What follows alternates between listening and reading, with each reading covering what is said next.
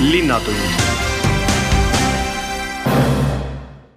tere, on neljapäev, kuues veebruar, algab Viljandi Linnatund. tänases saates tuleb juttu muusikakooli aastapäevast.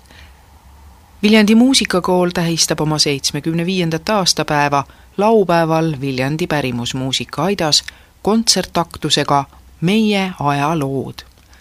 kooli direktor Toonja Tamraga puhus juttu Margus Haav. No see on väga väärikas iga, aga arvestades, et nüüd on äsja nii palju sadasid olnud, siis see seitsekümmend viis tundub sellise noh, lahjana. aga muidugi ühe muusikakooli jaoks on ta ikka piisav iga juba, et et vaadata tagasi sellise mõnusa huumoriga ja julgelt vaadata tagasi, vaadata tagasi ka nendele aegadele, kui prooviti muusikakooli Viljandis teha esimest korda, üheksakümmend aastat tagasi. Ja miks ei õnnestunud ja, ja, ja siis kuidas siis Augustin Pung selle kooli tegi, olles ise trügis ise linnapeaks sisuliselt, oli ka muusikakooli direktor samal ajal, nii et see on niisugune põnev aeg, kuidas ta siis seda, mis Eh, siis kodanlikul ajal ma võib-olla praegu kasutan valesid termineid, aga ma olen nii palju ajaloo neid dokumente lugenud, et siis ta ei saanud teha seda kooli ja siis, siis kui uus okupatsioon tuli sisse, siis see õnnestus. Kui me nüüd viimati siinsamas katuse all juttu ajasime, siis äh, oli remont enam-vähem äsja lõppenud. kuidas nüüd siis uus maja nii-öelda või siis noh, ütleme vana maja uues kuues, kuidas ta vastu on pidanud? vana maja uues kuues on selline, et äh, me just siin õpetajatega arutasime, et et kui, kui majast nagu üldse juttu ei ole, et siis on midagi äh, väga hästi. Et kui see töökeskkond on selline, et, et sa ei pea rääkima kogu aeg, et oi, et mul on, mul on, aken on halvasti ja see seinavärv ei meeldi mulle ja ühesõnaga, äh, meie õppenõukogu otsustas ka siis sisekujundajad äh, niimoodi tänada eriliselt ja anda talle kooli aumärk see keskkond on nii hea ja nii mõnus. et äh, uus maja on väga hästi vastu pidanud, väga hästi hoitud linnahaldus tegeleb sellega väga hästi ja kui palju on meil külalisekskursioone käinud. no praktiliselt iga kuu kaks-kolm ekskursiooni, siiamaani veel kas on mingisugune selline eriline koht ka, mis, mis nüüd äh, neile eriti meeldib ja mida mujal ei ole, mis neile meeldib? no eks iga maja juures on mingid omad lood ja, ja siis, kui me alati sattume sinna kolmanda korruse ärklikambrisse, torni klassi ülesse, no siis selle kohta on täpselt teada, et äh, seal tuhat üheksasada nelikümmend viis, seesama kevad, kui kool asutati, et siis äh, ühte meest ei olnud mitu päeva nähtud, siis mindi vaatama, oli ära surnud, ära külmunud. ja siis teine asi, et sealsamas äh, ruumis täpselt siis viis aastat hiljem hakkas üks naine sünnitama ja, ja vist minu teada sünnitaski seal üleval ühe inimese. nii et niisugused põnevad lood ja kui sa küsid, kas siin kummitab, ei, vastus ei kummita. et selles mõttes need äh, remondi käigus sai kõik äh, kõik hea, head hinged sisse kutsutud ja kui siin mõni halb oli ka, siis läks ta välja siit majast ja nii et see, nagu Sakala kirjutas kunagi, et nagu pooleks lõigatud äh, mesitaru, et, et see see efekt on mul siiamaani silmade ees, see pilt ja et, et see maja tõesti ikka totaalse muutuse läbis tookord. Eks majale ikka annavad sisu inimesed. kui palju rahvast siin praegu katuse all on, kui palju õpilasi, kui palju õpetajaid? täna on kakssada üheksakümmend seitse õpilast ja siis õpetajaid ja töötajaid on meil kokku nelikümmend kolm. nii et see, need arvud on püsinud üsna stabiilsed siin ja ja nii on. aga kuidas see ikkagi võimalik on, kui õpilaste arv järjest väheneb, koole tõmmatakse koomale, muusikakoolis nagu seda muret ei ole, mismoodi? ütleme niimoodi, et kaks aastat tagasi oli meil ka õpilasi rohkem, oli kolmsada, ligi kolmsada kolmkümmend oli isegi korraks see arv. aga kuna nüüd on ka palju tulnud huvitegevuse parandamiseks rahasid juurde riigi poolt, siis, siis lastele see, see ring võimaluste ring on palju laienenud. Et see on hea, selles mõttes on, Viljandis ja Viljandimaal on ju väga palju võimalusi tegelevat eri, tegeleda erinevate valdkondadega.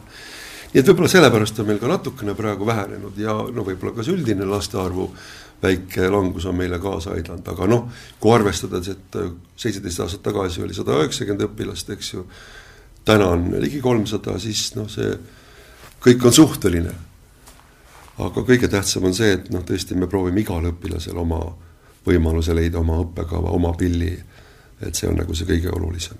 isegi numbrite, numbrid ei ole nii tähtsad kunagi. kuhu see kõige suurem tung on tavaliselt? klassikalised äh, erialad ikkagi on klaver, äh, ütleme kitarr, trummid, need kolm vaala on nagu sellised, aga seal on omad põhjused. lihtsalt neid pille teatakse rohkem. ja nii ongi. aga kui me ikka näitame, palju pille üldse olemas on ja palju võimalusi on, et siis see valik läheb palju laiemaks ja, ja, ja no meie soov on tõesti see, et et lapsed saaksid väga erinevate tegevuste, erinevate pillidega nagu oma muusikalist annet eh, harida ja siis muusikaga tegeleda, nii et eh, see pillide ampluaa on meil noh, number üks praegu Eestis. kõiki pille saab õppida kõiki pille ka õpitakse. et selles mõttes eh, me loome kõik võimalused, et lapsed saaksid. Ja me suuname neid ja palume neid, et ole hea, võta mängige oboed, metsasarve, fagotti algus on see harjumatu, sest nad ei tea neid pille, aga siis, kui juba hakkab koosmäng pihta, hakkavad orkestritegevused, noh, siis on asi korras kõik. see on põnev lihtsalt, see on põnev on ja, ja kui ma praegu olen teinud intervjuusid siin meie vilistlastega, siis nemad ütlevad ka, et kõige vahvam asi ikkagi olid need äh, laagrid ja väljasõidud ja koos proovid siin lauljad, pillimängijad ja, ja see ongi see, mis nagu see selle igavast harjutamisest nagu teeb selle asja nagu natuke huvitavamaks, selle muusikuli, muusikakoolis õppimise. nojah, ja ega igast lõpetajast peagi ju elukutseline muusik saama. see oli väga hea lause. lugesin neid Punga dokumente. kui Pung siis tahtis tuhat üheksasada kakskümmend üheksa muusikooli teha, siis tema soov oli, et et tõesti see, see, see haridus nagu jõuaks väga paljudele. Okei okay,, nõukogu aeg Nõukogude aeg tuli, tehti kool küll ära, aga väljalangevus, näiteks esimene aasta võeti vastu, kui ma ei eksi, sada nelikümmend üks õpilast, kevadeks oli kaheksakümmend kolm. ja iga aasta niimoodi kakskümmend, kakskümmend viis protsenti kukkus välja, tähendab, eesmärk oli hoopis teine. ega siis tookord nõukaaegselt äh, see riik siis asjata muusikaharidusse pannud, nende eesmärk oli äh, välja sõeluda siis andekad mitteandekatest ja nende mitteandekatega, nendega ei tegeleta üldse. õppenõukogu otsus koolist välja visata, punkt korras, järgmine asemele ja nii see käis. nii et kui me räägime siin mingisugust loovuse arendamisest, siis see on, see on rumal jutt. See oli lihtsalt selleks, et äh, paremad välja selgitada, kellest saaksid nii-öelda tippinterpreedid ja kes siis läheksid seda õitsvat sotsialismi ja kultuuri üle maailma kuulutama. nii ta tegelikult oli ja kõik need õppekavad olid ju, üks õppekava ainult oli, see kõige raskem. ja nii et jah, siis äh, ma noh, pärast olen vaadanud ka, et, et, et see direktor oli päris hädas siin oma eesmärkide elluviimisega, et, et kõik need suured plaanid, mis tal olid, ta pidi paljuski loobuma. Aga no ühe plaani ta tookord siiski juba, juba siis nõukaaja alguses tegi ära, tuhat üheksasada nelikümmend kaheksa tegi ta sümfooniaorkestri siia, mis tegutses kuni kuuekümne esimese aastani. Nii et seal mängisid väga paljud muusikakoolilapsed, eriti keelpilliõpilased ja ja noh, see asi nagu siis selles süsteemis töötas, Üllo Kauriga tegin just siin laupäeval intervjuu, ütles, et noh, tema jaoks super asi, ta mõnikord ei suutnud isegi mängida, kuulas, kuidas kõrval üks parem mängija mängis ja need olid kihvtid asjad, pühapäeviti need proovid, mis neil olid siin. et juba tookord lapsi köitis see koosmäng. palju praegu neid erinevaid koosseise tegutseb? väga palju meil on kaks puhkpilliorkestrit, meil on sümfooniaorkester, meil on siis äh, kolm pärimusmuusikaansamblit äh,, kolm rütmimuusikaansamblit, siis on meil poistekoor, mudilaskoor, sümfooniaorkestri koor äh,, Kandle suur orkester ja nii edasi, nii edasi. et see selline koos musitseerimine, see on nagu õppekavasse sisse viidudki meil. nii et iga pillimängija ka mängib koos ja noh, muidugi klaveristuudiod nii et siin tehakse väga huvitavaid asju, ka, ka klaverimängus saab nelja-viiekesi koos väga põnevaid äh, muusikatükke mängida. nii et, äh, et see kõik, see varustus on meil olemas, noh, nagu tänapäeval on moes öelda, et et ega muusikakool pole kunagi nii hästi elanud nagu praegu, nagu öeldakse, et Eesti riik pole kunagi nii õitsval järjel olnud, ega meil on sama asi täpselt kui ma mõtlen viimasele suuremale kontserdile, kus mul endal oli muusikakooli erinevaid koosseise võimalik näha, ehk siis jõulukontserdile, mind jätkuvalt üllatab see, et sa tead küll, et laval on noored muusikud ja üsna algajad vahetevahel ka, aga see kõlapilt ja kõik see, mis sealt lavalt kostab, see on üllatavalt tugev. mis, mismoodi seda saavutatakse? mind üllatab see samamoodi. Siin on õpetajate töö taga. siin on just nimelt õpetajate, et kui ütleme, pilliõpetaja tegeleb rohkem pillispetsiifikaga, ansambliõpetaja paneb nad juba koos nagu kõlama, helisema ja siis tuleb suure orkestri õpetaja, kellega meil on ka vedanud, meil on ikka Eesti tipud siin kõik tööl, siis, siis seal tehakse, ütleme tõesti kuue-seitsmekümne inimesega see kõik see, see muusikaliste niisuguste detailide töö nii ära, et tõesti pärast mul jääb endal ka suu lahti. kuidas see kõik niimoodi kõlab, nagu Marko Mägi ütles ka, et kohati jääb tunne, nagu oleks Viini uusaasta kontserdil. mõni koht kõlab tõesti super hästi. et ega mina pole sellest vene fenomenist aru saanud ja alati, kui jälle järjekordne jõulukontsert läbi saab, siis mõtled, et noh, kuidas me suudame seda seda levelit hoida, seda latti nii kõrgel, aga no siiamaani oleme suutnud ja ja ma arvan, et, et kui on eesmärgid kooliks paika pandud, et eesmärk ei ole mitte see, et me ihuhinge eest peaksime teatuid lapsi siin suutma nii õpetada, et nad ilmtingimata peavad edasi õppima minema, vaid et kõik on äh, võrdselt käsitletud, mõni oskab natuke vähem pilli, mõni rohkem, igalt ühelt nõuame nende nii-öelda võimete järgi, palume neid et siis see tulemus on, nad tunnevad ennast ühtse meeskonna ja meeskonnana ja see on kõige tähtsam, nagu nad lähevad, ütleme needsamad jõulukontserdid, mis sa rääkisid, nad lähevad koos sinna seda, seda tegema, seda muusikat tegema ja nad teavad, nad teavad ka seda, et mitte midagi ei juhtu, kui nendel läheb mingisugune vale noot ja mässu. mitte midagi ei juhtu, sest kõigil juhtub midagi.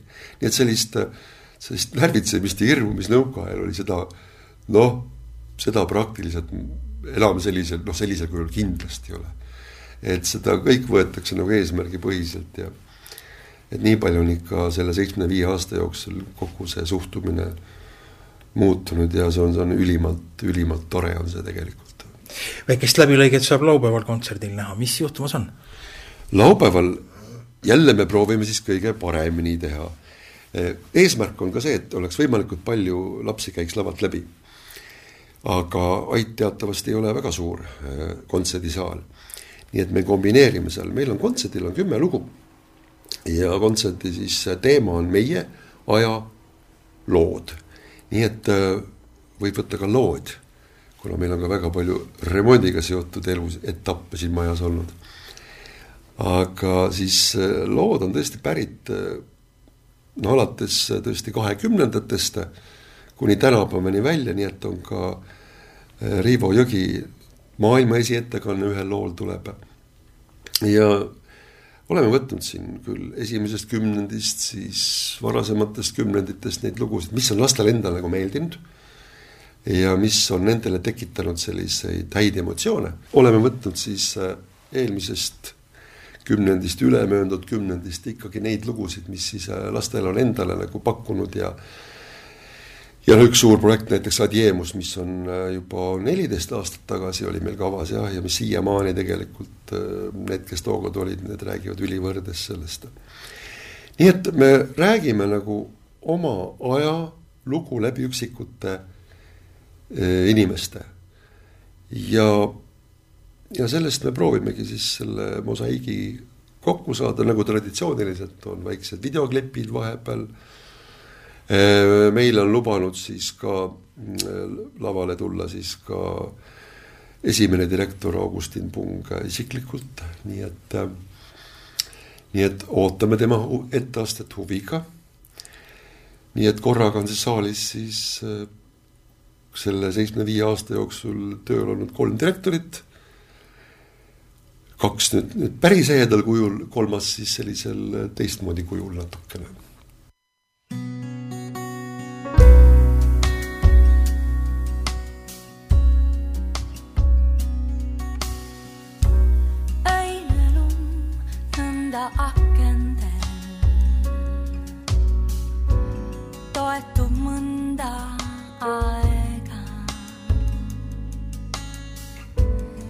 하얗도 해봤다한해 구원도 가을도 한데 루바 빠르ksi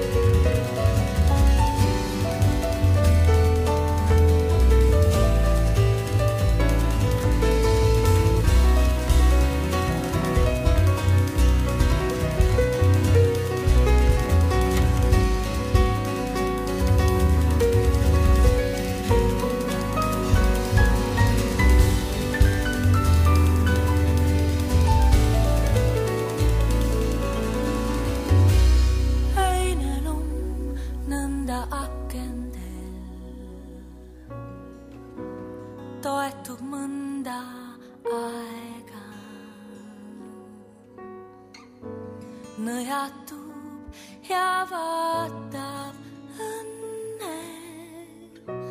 kuu on tumm tähel tuhandel, lubab vargsi kaeda. kuidas hingab vaik.